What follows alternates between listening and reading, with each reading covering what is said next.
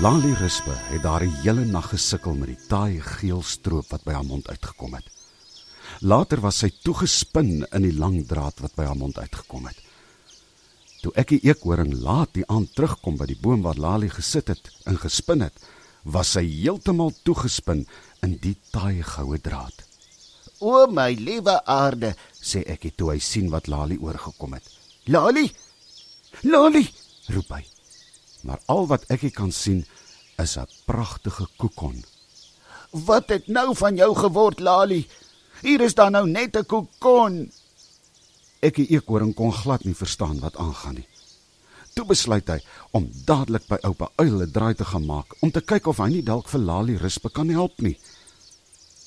Toe ek hier by die groot bloekomboom naby koning Louis se groot plat klip aankom, is oupa Uil net reg om vir hom te gaan aandete soek. Oupa Uil, roep ekkie. Oupa Uil, daar's groot fout. Oupa Uil vlieg uit die bloekomboom en gaan sit op die grond waar ekkie staan. "En my wêreld ou ekkie, wat het dan nou fout, jong?" vra oupa Uil. Oupa Uil, dis Lali Rispe. Sy het vanaand begin sleg voel. Ek het eers gedink is oor die baie blare wat sy geëet het, maar sy het gesê haar maag het nie gepyn nie.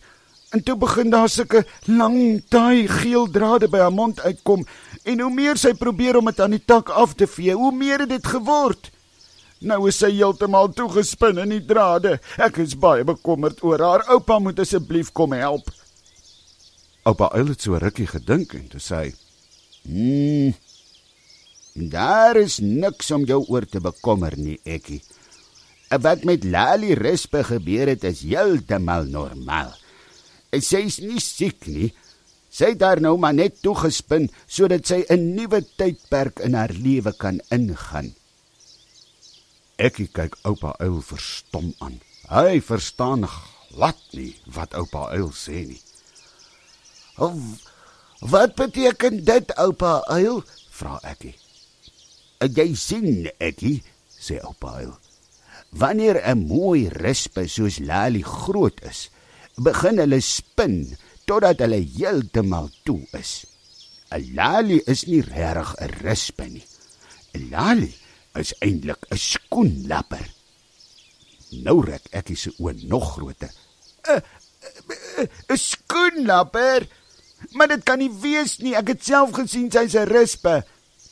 Oupa Uil begin lekker lag. Ja, ek weet. Sy het uit 'n eiertjie gekom Maar haar mamma was 'n skoenlapper wat die eiertjie gelê het. En toe sy die eiertjie gekom het, was sy 'n ruspe. Maar nou is dit tyd dat sy nie meer 'n ruspe gaan wees nie. Maar sy is nou 'n kokon, sê ekie baie bekommerd. Dis waar, ekie. Maar sy's nie nou 'n kokon nie. Sy is net binne in die kokon. Want nou gaan sy 'n papie word binne in die kokon. Die papie woon binne in die kokon want dit is veilig en warm daar binne.